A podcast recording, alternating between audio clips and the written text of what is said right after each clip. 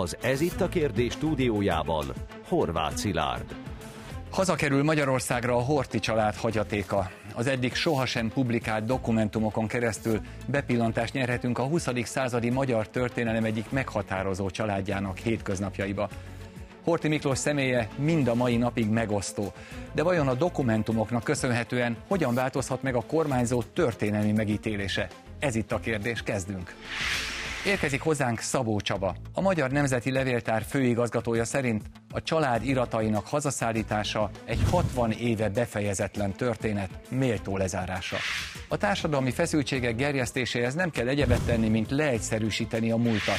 A feloldáshoz viszont elengedhetetlen elmerülni a részletekben. Ezt már Horti István Sarif, Horti Miklós unokája vallja. A stúdióba várjuk Bern Andrea Alina történész, aki elmondta, a horti hagyaték az elmúlt másfél évszázad során négy országban 18 alkalommal költözött. Most végre méltó helyére kerül.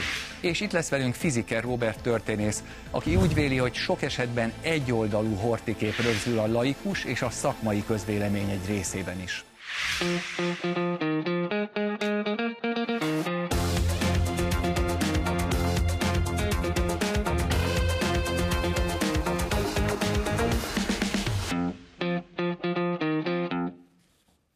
Szeretettel köszöntöm nézőinket, a képernyőket és vendégeinket itt a stúdióban.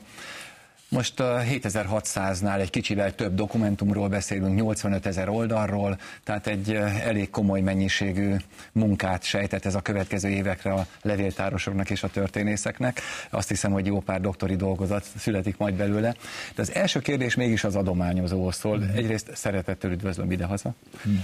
Másrészt pedig az első kérdés az az, hogy, hogy miért gondolták, hogy itt a helye ennek a hagyatéknak, és miért most gondolták, hogy itt a helye. Köszönöm. Én azt hiszem, hogy mikor az édesanyám el, elhunyt, és valahogy felfogtam, vagy rájöttem, hogy, hogy milyen óriási mennyiségű dokumentumai voltak, amit az élete folyamán összeszedett. Nekem én sosem gondoltam, hogy máshol fog maradni, mint Magyarországon, az már világos. De hogy, hogy mi lesz a, a sorozat, hogy, hogy, hogy mit kell ebben csinálni, az, az nekem nagyon homályos volt, mert nagyon el voltam foglalva, én sosem nagyon foglalkoztam a történelemmel, vagy, vagy magyar, őszintén megvan a magyar dolgokkal, úgyhogy egy, egy pár hétig nem is gondoltam nagyon rá, mert a mama éppen elhunyt, és, és az is persze sok belső és külső eljárással ment, de aztán jött egy, egy pillanat, mikor emlékeztem, hogy én egyszer találkoztam egy fiatal történésszel Magyarországon, aki az édesapámmal foglalkozott a, a, a doktoran, doktori vagy mesteri tézise, és um, akkor uh, gondoltam, hát lehet, próbálom ezt a, a, a, a, a ezt a történész megtalálni. Úgyhogy szerencsére sikerült, és, um, és én nem, nem is nagyon gondolkodtam azelőtt, hogy, hogy ez hova, hova jön, vagy mit kell vele csinálni, úgyhogy akkor, um, akkor találkoztam másodszor Andreával, és megkérdeztem, hogy ez, ez érdekli-e egyáltalán ez az anyag, hm. és, és ha érdekli, akkor, akkor annak mi a következménye. Úgyhogy az, az lett ebből, hogy, hogy végre oda költözött. El, először eljött megnézni, hogy mi van, és persze nem volt jól eltéve, mert a legnagyobb része ilyen dobozokban volt a, a garázsunkban, úgyhogy a, az autó kint a, a, csücsült, míg a garázs tele volt e, ezekkel a dokumentumokkal. Mert az, annak idején az édesanyám a, a, a, a szomszéd házban lakott hozzánk, mert úgy, úgy, ezt úgy terveztük, mert már nagyon öreg volt, és ne, ne, féltem, hogy, hogy ha nem vagyunk közelben, akkor, akkor nehéz lesz. Úgyhogy ez ott volt, és, és csak akkor kezdtem erre gondolkodni, hogy, hogy ez, e, e, ennek mi a, a, a lesz a, a úgy mondják, a nyugóhelye, a, a, a végső elhelyezése, arra nem is nagyon gondoltam. De annak, annak az, abban az, a, a, a, elejéleg, eleinte éreztem egy bizonyos olyan nyomást, bizonyos szelekről, hogy, hogy ide kellene tenni, vagy oda kellene tenni, és mint hogy ezekre nem tudtam igazán válaszolni, azt határoztuk mind az egész család, hogy legjobb, hogyha ez Angliában marad, míg uh, Andrea ezekkel még foglalkozik és akkor majd eldöntjük, hogy mi lesz. Jó, és akkor Adria elkezdett vele foglalkozni ezek szerint. Azért arról jó lenne beszélnünk, hogy, hogy mi volt ennek az anyagnak a sorsa, mert ön azt mondta valahol, hogy, hogy négy országban, 18 helyen volt összesen ez a hagyaték, tehát, tehát tényleg elég hányatott mm-hmm. sorsa volt igen, ezek szerint. Igen, igen. Igen, akkor lehet, hogy inkább kezdeném ezzel, hogy így hogy, vagy mind, mind, mind mentek keresztül ezek az Igen, nézzük meg ezt, addig, hogy... amíg megérkeztek oda Angliába. Mert, mert ugye Magyarország, Magyarország, velük. Portugália, közben mm. Németország, szóval azért ez elég kalandos történet lehetett. Igen, a, a legkorábbi része az anyagnak, az az első világháborúban és az első világháború előtt keletkezett. Van egy olyan része a hagyatéknak, ami 19. századi, Um, ugye ezek 1860 valamennyi, ugye a legelső. 1863-as a legelső, ez az Édászheim Gyulai családnak az egyesülésének a dokumentuma egy örökbe fogadás folytán, ez, ez annak a, a ö, császári dekrétuma vagy engedélye, és, és ezek után egy nagy hiátussal első világháború a következő, ahonnan ö, iratok maradtak fenn, ez a Horti házaspár, az akkor fiatal horti házaspár, vagy fiatal házas horti házaspár levelezése, amikor a későbbi kormányzó tengerésztiszt volt az első világháború idején Pólában, illetve az Adrián, még a családja részben Kenderesen, részben Bécsben, illetve időnként Bádenben tartózkodott, el kellett hagyniuk a polai házukat, mert hadikikötővé nyilvánították. Ebben az időszakban naponta, de, de kivételes alkalmakkor naponta többször is leveleztek egymással. Tehát, hogy ez egy, ez egy ö, nagyon sűrű és meglehetősen tartalmas levelezés. A, arról nem beszélve, hogy a kutatóknak külön kuriózum, mert gótbetűs német írott kódbetűs német szöveg, tehát ez, ez külön. Vagy, vagy, tehát ezek az első dokumentumok, az utolsó Igen. dokumentumok mikor? Az utolsó dokumentumok 2013-ból származnak, ugye 2013-ban Mújtel Istvánnak az édesanyja, édesanyja Gyulai Ilona, és ő gyakorlatilag egészen a, az utolsó hónapokig még válaszolta a hozzáérkező levelekre. Értem. Tehát ezek javarészt magánéleti jellegű dokumentumok, ami, abból, amit eddig mondott, ezt veszem ki? Igen és nem, nagyon nagy része magánéleti dokumentum, ugyanakkor vannak ö, hivatalos iratok, illetve a, az a kategória, amit itt szeretünk, ö, itt önnek levéltárosok félhivatalosnak ö, nevezni. Tehát olyan ö, szervezetekkel, illetve, illetve ö, személyekkel folytatott levelezés, akiket hivatalos körülmények között ismert meg, de mégsem ö, hivatalos ügyekben folytatott hmm. levelezés. Félhivatalos a... dokumentumok. Milyenek Igen. ezek a félhivatalos dokumentumok, amiket a levéltár nyilván örömmel fogad meg? Hát gondolom, hogy a Horti család hagyatékát teljes mértékben, amikor meghallották, hogy egyébként ez a hagyaték ez esetleg ide kerülhet, akkor mi volt az első mondat? Hurrá! Nagyon megörültünk neki, majd fogunk beszélni nyilván a kiadványról, ami a, a hagyatékból elkészült, és aminek Andrea volt a szerkesztője. Én jobban voltam Ádámmal, a, a kiadóval, és a kiadó hívott föl, és mondta, hogy Ádám, köszönöm, mert ennek itt a helye. És utána találkoztunk Istvánnal, és szerintem elfogadta az érve, hogy nem mi nyomultunk, tehát nem mi akartuk ezt Igen, most egyébként a könyvet látjuk, a Horti család hagyatéka 1914-1994 ugye ez a címe, ön állította össze ezek szerint Igen. ezt a dokumentum. Majd erről is beszéljünk, hogy pontosan mik vannak benne. És hát akkor leültünk beszélgetni, és hát én elmondtam, hogy úgy gondolom, hogy Horti István a magyar történelmek egy olyan meghatározó személyisége, a, akinek, hogyha ez az iratanyaga, a személyét, az, a, az ő, ő küldetéstudatát, az ő, ő érveléséhez valamit hozzá tudnak tenni, akkor többet fognak tudni a történészek. Mm. És István elfogadta ezt az érvelést, és azt mondta, hogy akkor kerüljön a Nemzeti Levéltárba. Tulajdonképpen ilyen volt a történet, azt meg hát a Robi el tudja mondani, hogy nagyon kevés, tehát a, a fél, mi az, hogy hivatalos, félhivatalos. Hát nyilván a kormányzónak a, a hivatalos működésének a dokumentumai azok megőrződtek, azok megvannak a levéltárba. Ugyanakkor magáról a Horti családról, meg a, a kapcsolódó családokról nagyon kevés ismeretünk volt és pont azok, minden, mind, valamennyien személyiségek, egyéniségek vagyunk. De bennünket is, meg egy történelmi szemét is meghatároz az a cselekedeteinket, a döntéseinket, politikai döntéseit egy, egy, egy történelmi szereplőnek, hogy milyen az egyénisége.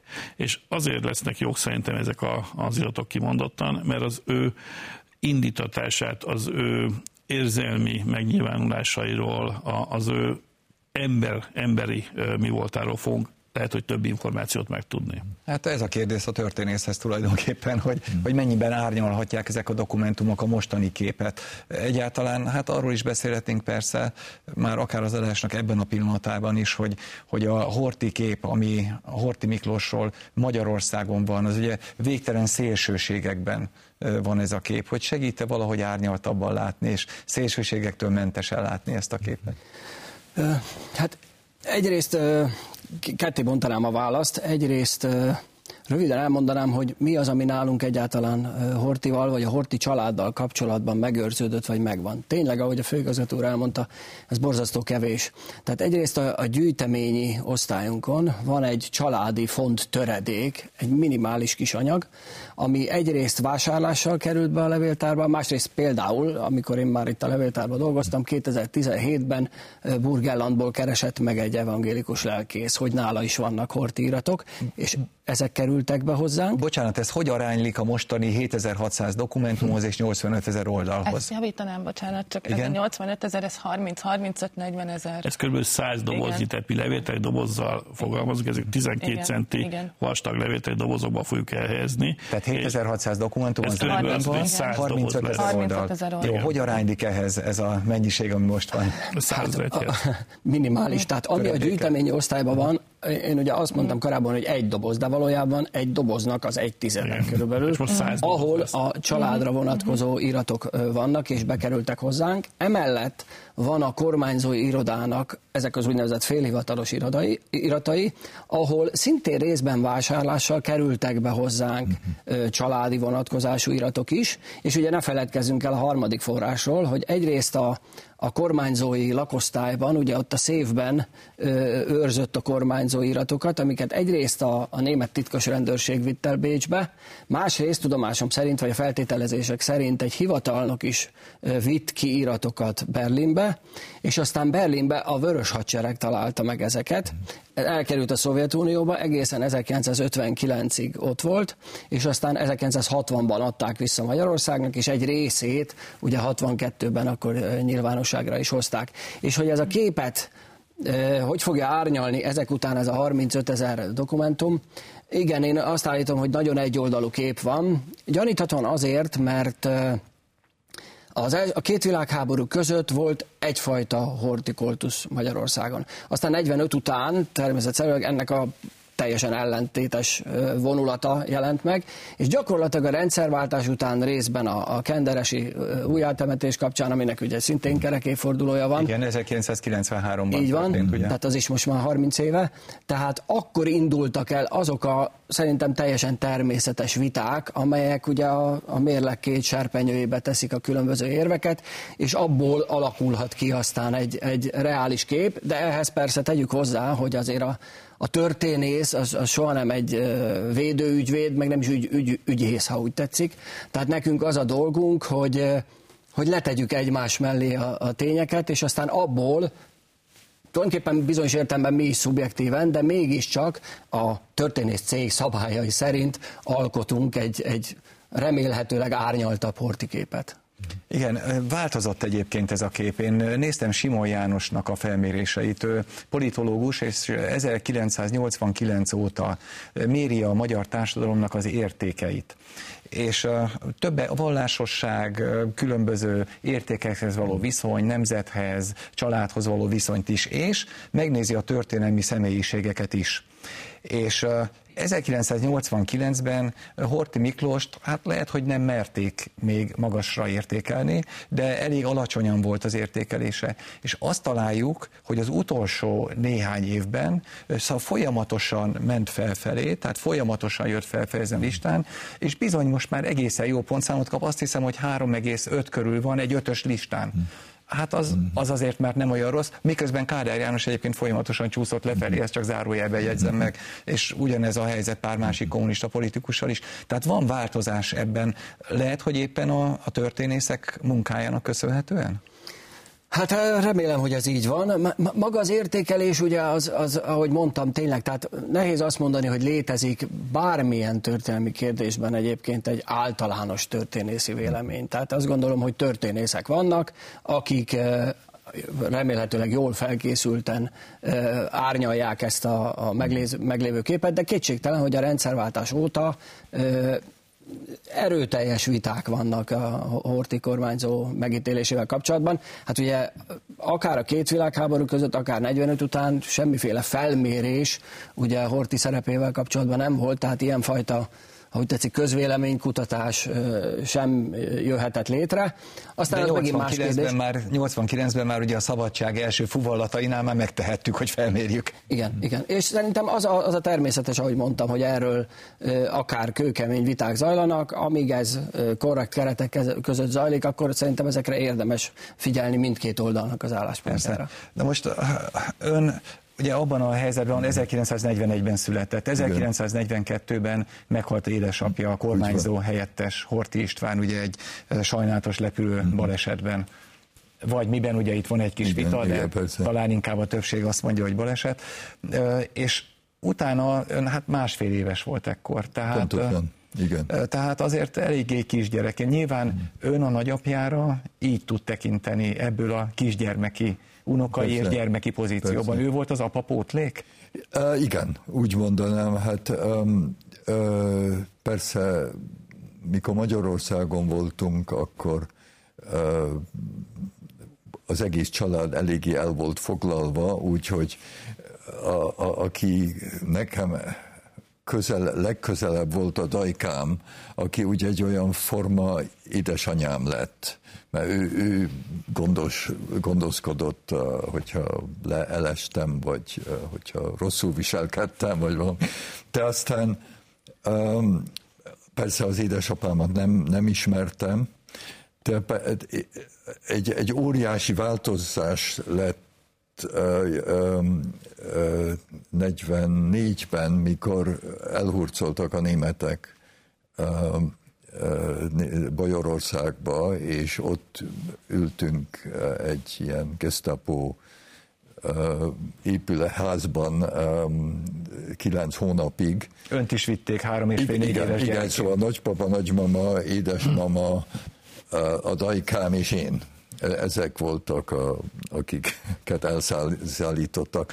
Hogy ez alatt a kilenc hónap alatt persze nem, nem együtt voltunk egy, egy, egy téren, és, és um, ez volt a, a család, és ak- akkor persze nagyon jól megismerkedtem mindenkivel, a, a, a mama, mamán kívül a nagyszülőkkel, és és nem volt ott igazán senki más. Egy, egy, volt egy furcsa kis tábornok a, a, egy, egy pár hónapig, és az most tanulta meg Andriától, hogy ez igazán egy német kém volt, aki már régen követte a nagypapát ide-oda, és akkor megértettem, hogy miért ő volt ott, de azon kívül csak mi voltunk, és, és, és akkor kialakult ez a családi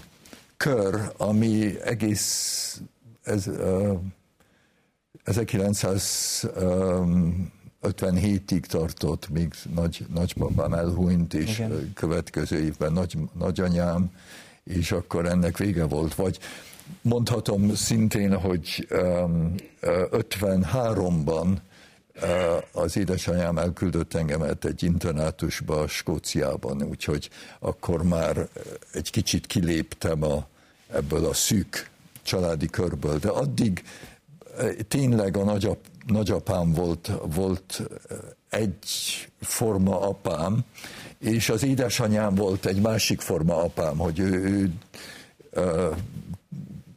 határozta, hogy, hogy hol tanulok, és mit, és, és um, valahogy úgy uh, alakult az egész. De olyan férfias dolgokat az, az, azt a, a nagyapámmal csináltam. Elmentünk úszni, meg uh, uh, teniszezni, meg ilyes, ilyen dolgokat. Ez Portugália? Portugáliában. Akkor ugye itt az előbb ott abba hagytuk egy kicsit, és ezt nem beszéltük végig, hogy négy országban és 18 helyen. Szóval Igen. hogy is van ez, mert akkor ezek szerint Magyarország, Németország, Portugália, és aztán Anglia és a következő aztán az ország? Egyesült Királyság a legutolsó a vége. Értem. Igen. És a ugye keletkezési idejük szerint ezek a dokumentumok vagy a teljes sort járták végig, vagy ennek egy-egy szakaszán, de a legrégebbiek, ugye az első világháborúban keletkezettek, azok végigjárták mind a 18 költözési uh-huh. stációt. Uh-huh. Tehát fontosnak tartotta a család, hogy a legfontosabb dokumentumait vigye magával. És igen, és ezek között ráadásul tényleg olyan költözések is voltak, mint például, amikor a németek vitték el őket Magyarországról, tehát nagyon-nagyon limitált volt a magukkal vihető csomagmennyiség, és mégis bekerült ebbe a néhány bőröntbe az első világháború alatti levelezés, a kormányzói párnak a gyerekeivel folytatott levelezése a 20-as években, akik közül ugye mikor a németek elvitték őket, már csak egy volt életben, a, illetve néhány naplójuk is. Az éppen aktuálisan vezetett naplójuk is ezek között volt. Um, igen, tehát hogy abban a néhány bőröntben, ami, ami, amit magukkal vihettek, ezek az iratok benne voltak. Na most, ha nekik fontosak voltak ennyire, hogy tényleg magukkal vitték akkor, amikor nagyon keveset vihettek magukkal, akkor ezek nyilván nagyon fontos dokumentumok, érzelmileg fontos dokumentumok voltak számukra, vagy nem csak érzelmileg, hanem másként is. Hát természetesen érzelmileg nagyon fontos dokumentumok voltak. A, azok a családon belüli levelezések, akiknek a, az írói akkor már nem éltek. Ön ezekbe beleolvasgatott? Amikor... Ö, akkor nem, és nekem ez, ez, megmondhatom, hogy nekem ez, ez teljesen csodálat volt, mikor Andrea mondta, hogy tudod-e, hogy ezek között, a dokumentumok között um, vannak a nagyszüleid levelezései, a, a, a, a, az első világháború idé, idejéből, azt, azt gondolom, hát hogy, hogy lehet az, hogy, hogy, mm. hogy jutott az ide, és, és csak akkor tudtam, hogy ez, ezek léteznek. Mm. És, és De azóta beleolvasott? Azóta beleolvastam. Milyen érzés volt? Um, te, te, e, egész különleges dolog volt, mert ez, ezt a részét a, a, a, a, a a család um, történetéből én nem is tudtam, nem, nem, nem, nem tudtam elképzelni, milyen voltak a nagyszüleim, mikor még fiatal emberek voltak, és, és ez, ez igazán uh, fantasztikus volt számomra. És bocsánat, csak egy Igen? apró megjegyzés, hogy azért is fontos ez a kötet, meg ez az irathagyaték, hogy hazajön, mert szolnoki levéltáros kollégáktól érdeklődtem, hogy a Kenderesi kastély 45 után viszonylag egyben maradt. Úgy tudom, hogy csak a zárakat, meg szerelvényeket, meg egyebeket lopták szét egy pillanat alatt, de a, az ott maradt levéltár és könyvtár az egyből bekerült a Kunhegyesi rendőrségre. És 45 végén ott még megvolt, erről vannak levéltári iratok, aztán 46-ra azok az iratok már teljes mértékben elvesztek. Tehát már ott is nagyon sok minden elveszett, úgyhogy ez a nagy mennyiségű iratanyag, főleg nyilván a későbbi időkből azért sok mindent pótolni tud, ha azokat az elveszett dolgokat már nem is tudja visszahozni. Igen, ez, erről a kunhegyesi anyagról nem tudunk semmit, tehát, tehát ha... Feltételezem, hogy 45-46-ban a kunhegyesi rendőr kapitánynak derogált, az nyilván ugye utasításban megkapták az, hogy a fasiszta tartalmú könyveket ki kell sejtezni, ez a hagyaték. Ezt elég szélesen értelmezték és akkoriban. És ez jobb, hogyha mindenig, mert az a biztos, hogy ő pozícióval marad. Tehát könnyen lehet, hogy ez egyszerűen a tíz martalék. Biztos vagyok benne szintén. Mm, mint ahogy nyilván van rá más példa is. Igen. Hasonlóra. Andrea, mi került be ebbe a kötetbe? Bocsánat, most csak egy, egy pillanat, mindjárt csak visszatérek ide a Kenderesi kastélyhoz, hogy megvannak a Kenderesi kastély államosításának az iratai, amit rokonok küldtek meg nekik emigrációba. Tehát például, amikor hivatalos iratokról beszéltem, akkor például ilyenekről beszéltem. Ezek például egy, egy mappa a a hivatalos iratokon belül. Tehát a rokonok ezt megküldték? Igen, az otthon élő rokonok meg, megküldték nekik, akik odakint értek emigrációba, hogy mi történt a kastélyjal és a hmm. környező földekkel. Jó, a már, a már most már kijött, nem nagyon vékony kötetben mi került be? Igen, 14 darab dokumentumcsoportot tartalmaz, Ebben a 14 darab, ez a 14 darab dokumentumcsoport magában foglal három naplót és egy emlékiratot, ezek közül a, az egyik, az az István édesanyjának, az Szent Gyulai Ilonának a második világháború alatt vezetett naplója 1942. januárjában kezdődik, és 1946-ban ér véget, akkor nagyjából abban az időszakban, amikor az amerikaiak felszabadították őket. Ez egy teljesen, ez teljesen személyes napló. Ez egy, én nem mondanám azt, hogy személyes napló, ez majd aki beleolvas látni fogja, hogy ez a saját munkanaplója arra, hogy a saját protokoll karakterét fölépítse és föntartsa. Ugye neki rengeteg nyilvános megjelenéssel járó feladatköre volt, de ellentétben a családnak a férfi tagjaival, a Horti Istvánnal, aki kormányzó helyettes volt, illetve a kormányzóval, neki nem volt protokollfőnöke. Tehát azt, hogy, hogy mikor milyen rendezvényre kell mennie, ott kivel kell találkoznia, ezeket a neveket fejben tartania, ezt saját magának kellett intéznie, és ez a naplón nagy részt erre szolgál. De azt mondhatjuk egyébként, hogy ő fontos tanácsadója volt az utolsó időben már Horti Miklósnak? A, ó, abszolút, az 1944-es évben ugye minél inkább szűkült a bizalmi kör, Horti körül egyre inkább a családra korlátozódott le az, hogy, hogy ki az, aki a legfontosabb politikai döntéseit átviszi, például a kiugrást, és ez a végén tényleg egy legbelső mag volt, belőle állt a kormányzónak a, a, az akkor életben lévő egyetlen gyerekéből, illetve egy szántsegédből, Tosz Gyulából, és hogy így nagyjából, nagyjából ez volt az a kör. Ez a német megszállás utáni e, időszak, amikor Betlen István például már, igen, már bujkál igen, valahol, igen, tehát, igen. tehát itt tényleg nagyon leszűkül ez a igen, kör. Igen, Teleki igen, ugye igen. már nincs az élők igen, sorában. Igen. Uh-huh. Hát volt egy tágabb kör, amiben a Betlen István is beletartozott, a Eszterházi Móric, aki egykor miniszterelnök volt, a Betlen István is benne volt ebben a szűk körben, őket összehívta a kormányzó egy-egy döntés előtt, például amikor, amikor a, a szovjetekkel való kapcsolat felvétel került, került terítékre 1944. szeptemberében, ilyenkor a Betlent ö, autóval hozták be a várba, és minden hogyan próbálták átszázni, mert nem csak hogy bujkált, de hogy itt aktívan kereste őt a gestapo. A, visszatérve a kötetre, igen, tehát, hogy van egy másik napló, aminek az Iker testvérét ezt 2015-ben ebből a hagyatékból már ugyancsak a Halmos Ádámékkal kiadtuk, az a kormányzó feleségének a német me, öm, fogságban írt naplója volt. Na, ez ennek a párja, ez az István édesanyjának a német fogságban írt naplója. 1944. október végén kezdődik, tehát már amikor megérkeztek Bajorországba, és az amerikaiak megérkezése után 1945 nyarán ér véget.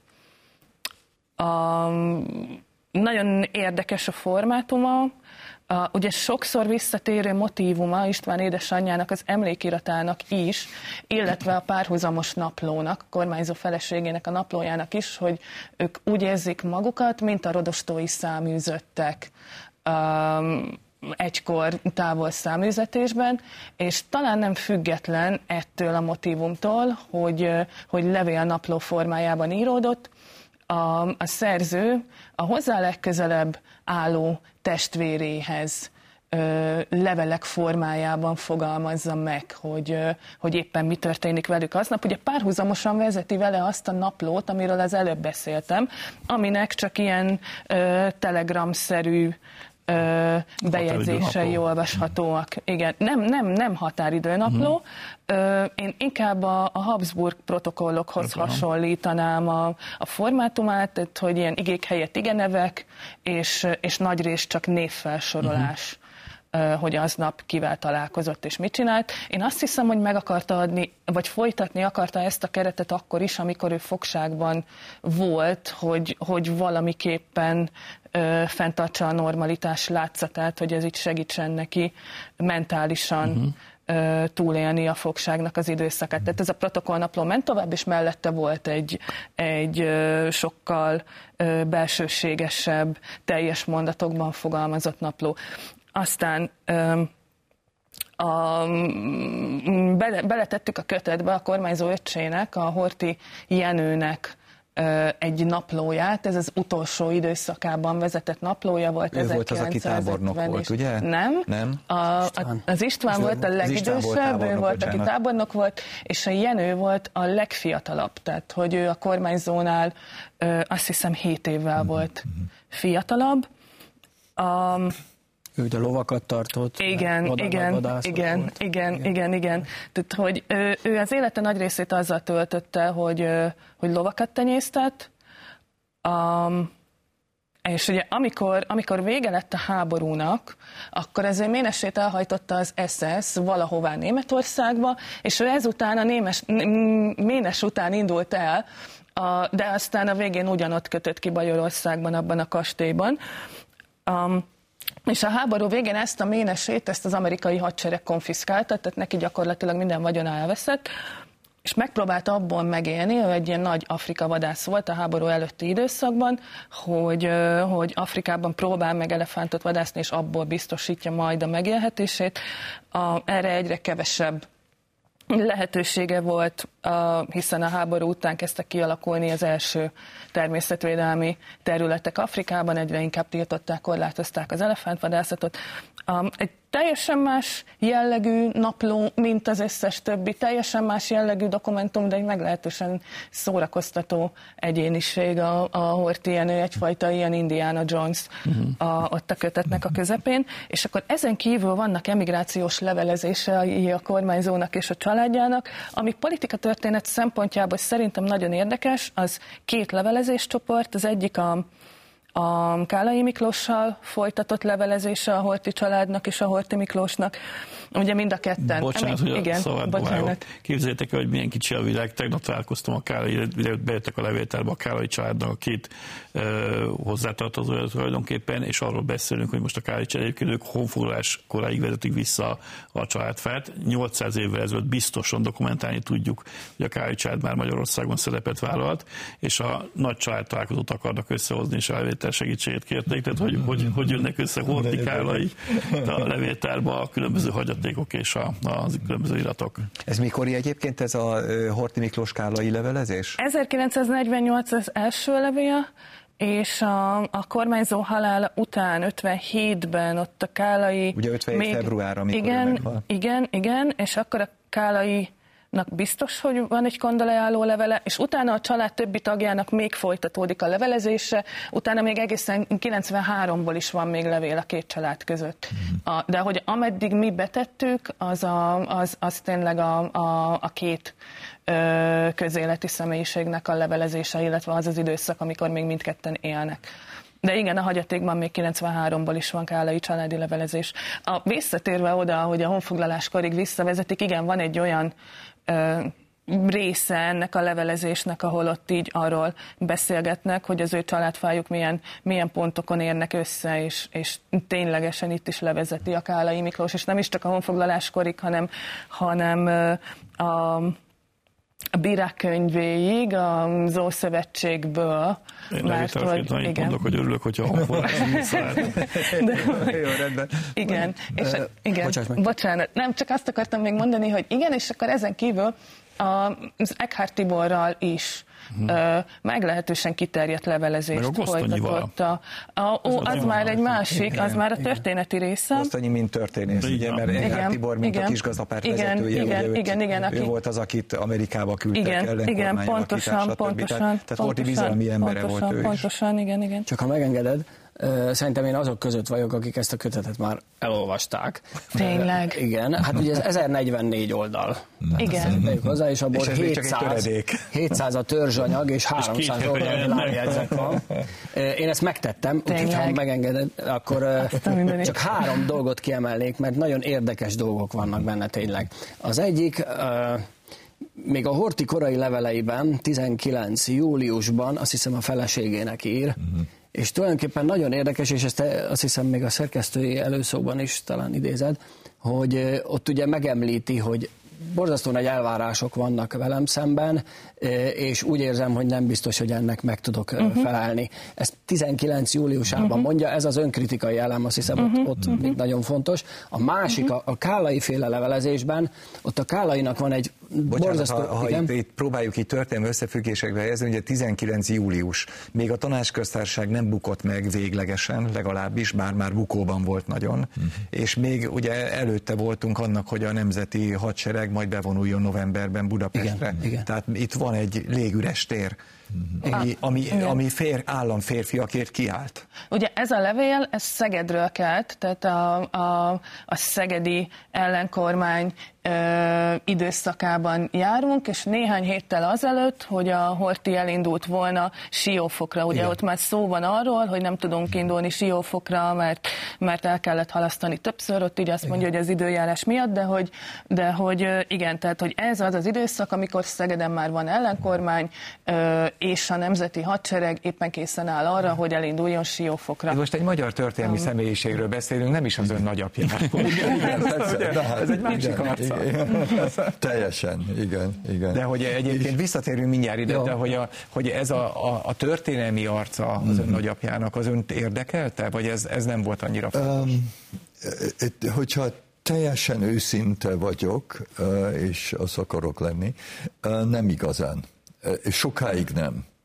És um, nem, nem az, hogy nem érdekelt, persze, hogy érdekelt engemet, de ne, nem éreztem, hogy ennek óriási jelentősége van nekem.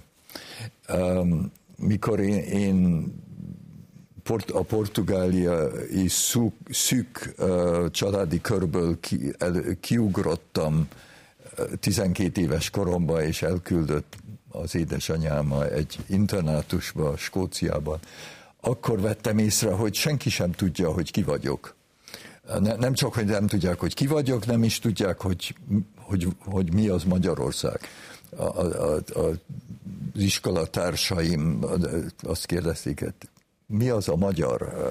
Te valami cigány vagy, vagy ilyesmi, és ez persze megváltozott 56-ban, mikor aztán mindenki tudta, hogy, hogy van egy Magyarország. De mikor először odajöttem, ez, ez nem nem volt értelme senkinek. És a, a Horti név pláne nem. Úgyhogy én, én teljesen rászoktam, hogy ez, ez valami, ami a múltba van, és, és ezzel nem ezt nem kell nekem kezelni, mert, mert úgysem, ez, ez a, a nagyszüleim és az édesanyám fogják kezelni, és én nekem az a feladatom, hogy most menjek előre a világba, és, és legyek valaki. De um, úgyhogy ez a legőszintébb uh, válasz rá, és csak akkor igazában, mikor, mikor mert egy házban laktunk egy pár évig um, Andreával, sőt, kellett, mert, mert elő, ele, az első napokban Andrea a, garázsban dolgozott, és rájöttem, hogy ez borzasztó, mert, mert hideg volt, néha meleg volt, és akkor béreltünk egy irodát a kis városunkban, hogy, hogy ahol ott aztán tud, el tudott terjeszkedni, és, és, és rendesen dolgozni. Úgyhogy akkor kezdtem ér, érezni, oké, okay, ez most egy új világ nekem, ez, e, erről kell most olvasnom, meg kell értenem, hogy mi történt, és, és ez biztos, hogy majd fog, fognak, fog, fognak engemet kérdezni. Igen, igen, és, és e, a, a, a, hirtelen rájöttem, hogy ez most minden más lesz. Jó, nézzük meg még ezeket a dokumentumokat, igen, aztán igen. menjünk pont ebbe az irányba egy kicsit. Egy apróság, de összefügg a kérdés. Nálunk van egy olyan dokumentum, amikor a Kálai miniszterelnök ír a Hortinak arról, hogy a István, Horti István halála után a kis Istvánnal mi legyen, és ugye ott abban marad, vagy azt javasolja a kormányzónak, hogy a kis Istvánt a, a nemzet számára kell felnevelni, szóval ez a mi lett volna, ha kérdése. Tehát, hogyha az ön édesapja az angol száz orientációjával kapott volna lehetőséget a sorstól, uh-huh. akkor uh-huh. sok minden talán másképp alakul az ország történetében. És röviden csak vissza még a két érdekes irathoz. Az egyik a Kálai irathagyatékban az nagyon tetszett. A Kálainak van egy irat, vagy eszmefuttatása a magyar történelmi gondolkodásról, és azt mondja, hogy mi nagyon nem találjuk min, meg mindig a, a történelmi realitásnak az útját, mert amikor 67-ben megvolt a kiegyezés, akkor mi elkezdtünk, pedig jól jártunk vele, függetlenségi politikát mm. csinálni. Amikor 18 után a bolsevizmus már bukóban volt, akkor mi bolsevik forradalmat csináltunk. És amikor 44-ben már nácizmus veresége volt látható, akkor meg náci forradalmat csináltunk. És a harmadik dolog, ami szintén nagyon érdekes, a Horti Enőféle emlékiratban van, az, az kifejezetten jó olvasmány egyébként, tényleg egy, egyfajta lektűr. Ott azt idézi fel, hogy a, a Csekonics Endre, ő is ilyen nagyvadász volt talán, ha jól emlékszem, mellesleg soproni származású, mint én, bár ennek itt sok jelentősége nincsen. De azért mégis van, mert 1921-ben Sopron visszatért, most Ödenburgról beszélnénk, hogyha Horti és a csapata nincs. Hát, úgyhogy most Ausztriában tanítani a történelmet. Igen. Már csak azért is, mert anyajágon. Tehát mégis csak olyanról beszélünk, ami ide illik. Igen. Na és ő azt, azt írja le, hogy 53-ból, ha jól emlékszem, valamikor késő tavasszal, hogy Habsburg Otto felkereste Hortit Esztorilba, és hogy nagy egyetértésbe váltak el egymástól, és hogy megállapítja a végén, hogy milyen jó, hogy végre van királyunk, van kormányzunk, csak sajnos már országunk is hozzá. Igen, hát a három jó, hogy egyesik, igen, az, az nem olyan rossz. Mi lesz most a dokumentumokkal? Tehát most, most az az időszak jön, amikor rendszerezi a levéltár, és aztán kutathatók lesznek ezek a dokumentumok? Igen, hamarosan ezek bekerülnek valóban a levéltárba, tehát egyelőre még az Istvánnak a lakásán vannak ezek a iratok, még néhány személyes dokumentumot ki kell belőle venni, ami uh-huh. Istvánnak ilyen gyerekkori rajzai az édesanyjának, nem tudom, ez, ez nem tartozik oda értelmszerűen, meg a személyes kötődés is uh-huh. teljesen egyértelmű, hogy, hogy ezt megnézi a, a család még és akkor ez bekerül a levéltárba. A Andrea tulajdonképpen ezeket a dokumentumokat egyszer már átrendeztetett, rendezte, van egy, van egy rendezettségi szintje ennek az irat együttesnek. Ennek egyre a kollégáink ezt a levéltári rendnek megfelelően nem sok változtatással, de, de meg fogják oldani ezt, és akkor azonnal kutatható lesz, ebben maradtunk Istvánnal, és hogy minden előbb. Ez mennyi idő? Én szerintem néhány hónap, tehát a, a tavasz, tavasz végére én szerintem ezek már hozzáférhető iratok lesznek. Hát ez nagyon jó. Jó, mik azok a történelmi kérdések, amikre ezekben az iratanyagban is majd azért kutatni kell a választ? Ugye itt beszéltünk arról, hogy, hogy, hogy vannak szélsőséges megítélések Horti Miklós esetében. Ez ugye nagyjából a Trianon után a haza megmentője, ez az egyik véglet. Hát én is ezt mondtam most 1921 kapcsán, de hát végül is végül is ez, ez azt hiszem, hogy így van, hogy, hogy az, hogy Sopronban azt egy ügyes akkori politizálásnak köszönhettük. De hogy, hogy Ugye a másik végleten ott van a kiugrás sikertelensége, ott van az a kommunista vád, hogy Hort és a szélső jobb az tulajdonképpen egy, ott van a zsidók deportálásával kapcsolatos vádak, de ott van a koszorús akció támogatása, szóval valahogy ezekre kellene választ kapni, ugye? Hát a, a Graz Gusztáv, a legitimista közgazdász és külpolitikus, külügyminiszter is volt ugye ott a, a Trianon utáni időkben rövid ideig, ő neki ugye van egy emlékirata, és ő ott úgy fogalmaz, hogy a politika az nem mindig a legmegfelelőbb anyagot kínálja. De az a politikusok dolga, hogy abból a nem megfelelő anyagból a lehető legjobbat kovácsolják, ami abból kovácsolható.